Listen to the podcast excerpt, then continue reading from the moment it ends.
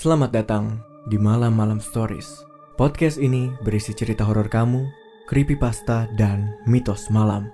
Pembuatan podcast ini dibantu oleh rekan kami, Anchor.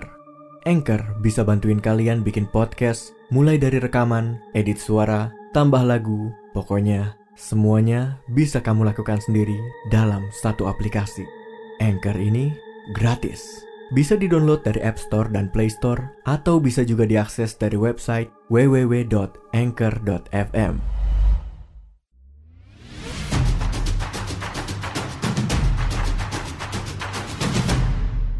Kini Podcast Network.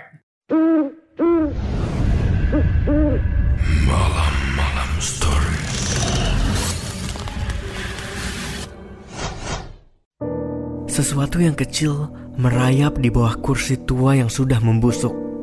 Makhluk itu terlalu cepat untuk bisa kulihat dengan jelas. Tapi, aku hanya bisa berdoa kalau itu hanyalah seekor tikus atau tupai. Aku coba menunggu, tapi tidak terjadi apa pun. Oke, jadi aku melanjutkan perjalananku dengan berhati-hati. Kemudian, aku membuka petanya. Hmm, oke. Hanya tersisa sedikit lokasi yang perlu dikunjungi. Tinggal beberapa lokasi lagi.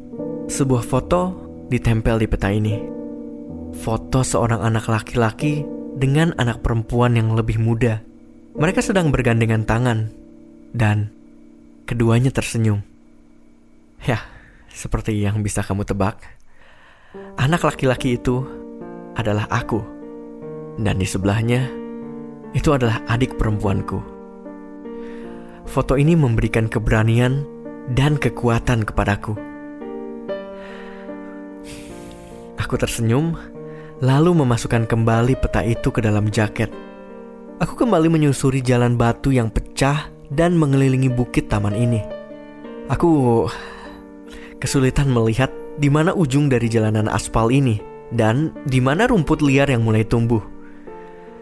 Sudah tidak ada lagi bunga-bunga cantik yang dirawat dengan hati-hati.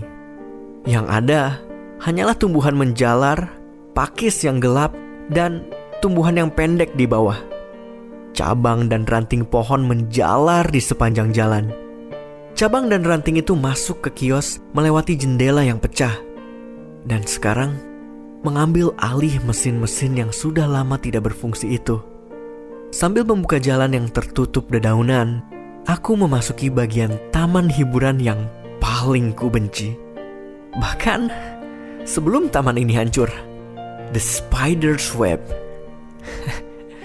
Sebuah lintasan yang terbuat dari tiang baja terbentang di depanku dan terus memanjang masuk ke dalam bayang-bayang pepohonan dan reruntuhan. Beberapa troli kecil dengan bentuk yang mirip cangkir terpasang di atas rel tadi dengan jarak yang berbeda-beda. Setiap trolinya, ya, bisa dibilang cukup untuk diisi oleh tiga atau bahkan empat orang. Tapi di depan, di atas semua itu adalah sebuah jaring laba-laba raksasa yang terbuat dari besi. Tunas tumbuhan dan tanah dari hutan muncul dari sambungan jaring laba-laba itu. Dan seekor laba-laba raksasa yang terbuat dari fiberglass hinggap di atasnya. Selamanya bergelantungan, membeku. Matanya pernah menyala, tapi sekarang sudah mati, tidak bernyawa lagi. Kondisinya terlihat seburuk yang pernah kulihat di mimpi buruk. Kamu berani naik? Tanya sebuah papan penanda yang terpasang di sebelah kiri area operator. Aku tidak berani. Tidak. Tidak hari ini. Atau sampai kapan pun. Perlahan, aku mengambil nafas yang dalam dan kembali berjalan berpindah dari jalanan beton ke rel tersebut. Aku melihat ke atas pada laba-laba raksasa seperti anak kecil. Seolah membayangkan jika laba-laba itu tiba-tiba berubah menjadi hidup. Ya, tentu saja itu tidak akan terjadi. Aku melanjutkan perjalananku melewati jalur rel yang memutar. melewati troli cangkir dan tumbuhan menjalar yang menghalangiku menuju sebuah batu yang berdiri di tengah wahana ini. Saat masih beroperasi, batu ini akan tertutup oleh kabel dan jaring. Tapi sekarang, semua itu sudah rusak dan membusuk. Batu itu terlihat sangat berbeda dibandingkan dengan apa yang ada di sekitarnya. Ini bukan batu palsu.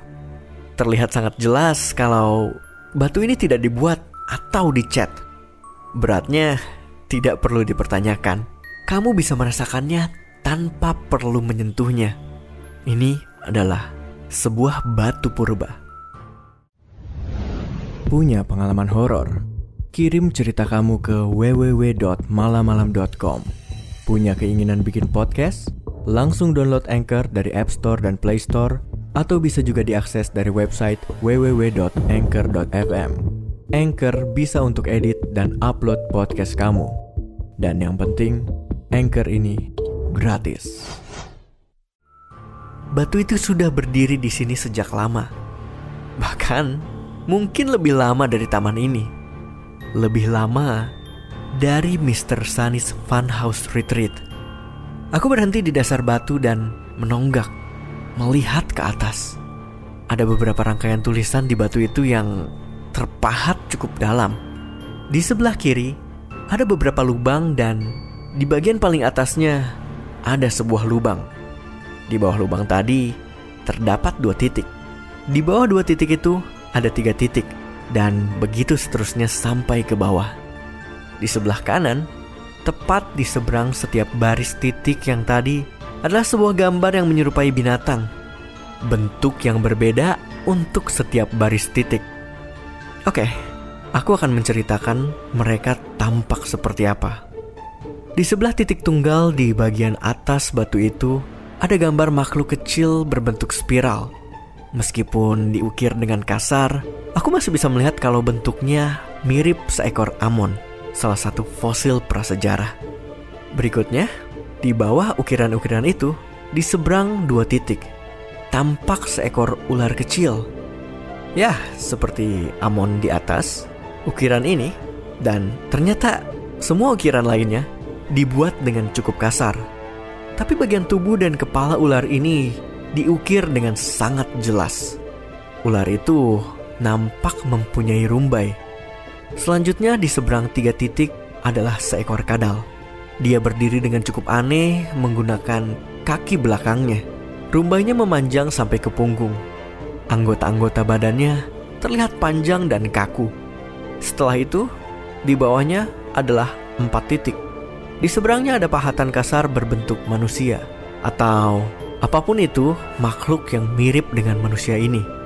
Dari rumbai yang ada di bahunya, keluar bagian tubuh lain yang kurus dan tidak bertulang, bahkan sampai ke lengannya. Lalu, di bawah baris empat titik tadi, adalah lima titik. Dan di seberangnya, ada sesuatu yang lebih mirip dengan gurita ketimbang manusia.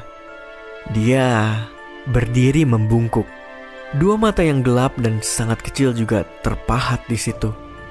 Selanjutnya, di bawahnya ada enam titik. Di seberang titik itu, guritanya menghilang dan digantikan oleh lingkaran besar. Ada bagian-bagian tubuh yang saling terhubung, berputar di sepanjang lingkaran. Selain itu, lingkaran tadi juga dikelilingi oleh banyak mata. Dan yang terakhir, di bagian yang paling bawah, adalah tujuh titik yang berkerumun. Di seberang titik-titik ini adalah ujung dari tentakel. Jelas sekali kalau tentakel ini adalah bagian dari ukiran yang lebih besar. Bahkan lebih besar dari ukiran di atasnya. Tapi kebanyakan batu di bagian ini sudah retak dan terkena erosi. Beberapa puing batu berserakan di bawah kakiku di antara tumbuhan pakis. Aku harus jujur kalau Pikiranku dibanjiri rasa ngeri saat aku memperhatikan batu ini dari atas ke bawah. Seakan-akan seperti ada sesuatu yang dingin dan misterius menggeliat di bawah kulitku. Aku memotret batu itu dan mencatat temuan ini di peta. Aku tidak sabar untuk segera keluar dari bagian taman yang satu ini. Namun, Saat aku masih menulis di peta, telingaku mendengar suara. Seperti suara besi yang berderit, tapi tidak seperti yang sebelumnya. Kali ini, kali ini terdengar lebih dekat dan lebih konstan. Aku langsung memutar badanku. Awalnya tidak langsung terlihat sesuatu, hanya suara di kegelapan. Bagaikan raksasa besi yang terbangun dari tidurnya, wahana itu menyala dan hidup lagi. Percikan api mulai timbul dari rel. Lampu-lampu di atas mendesis dan bergetar. Mereka hidup lagi. Jalur, rel, dan mata itu kembali bercahaya. Batu tadi dan diriku dan seluruh tumbuhan di sini dibanjiri warna nila. Aku aku merasa kalau aku harus melihat ke atas, ke arah laba-laba fiberglass di jaring kawat besi itu. Tidak. Matanya mulai menyala satu persatu, terbakar dengan cahaya kemarahan. Ah, ini ini seperti mimpi burukku. Ya, sama. Persis seperti mimpi burukku. Sekarang semuanya menjadi kenyataan.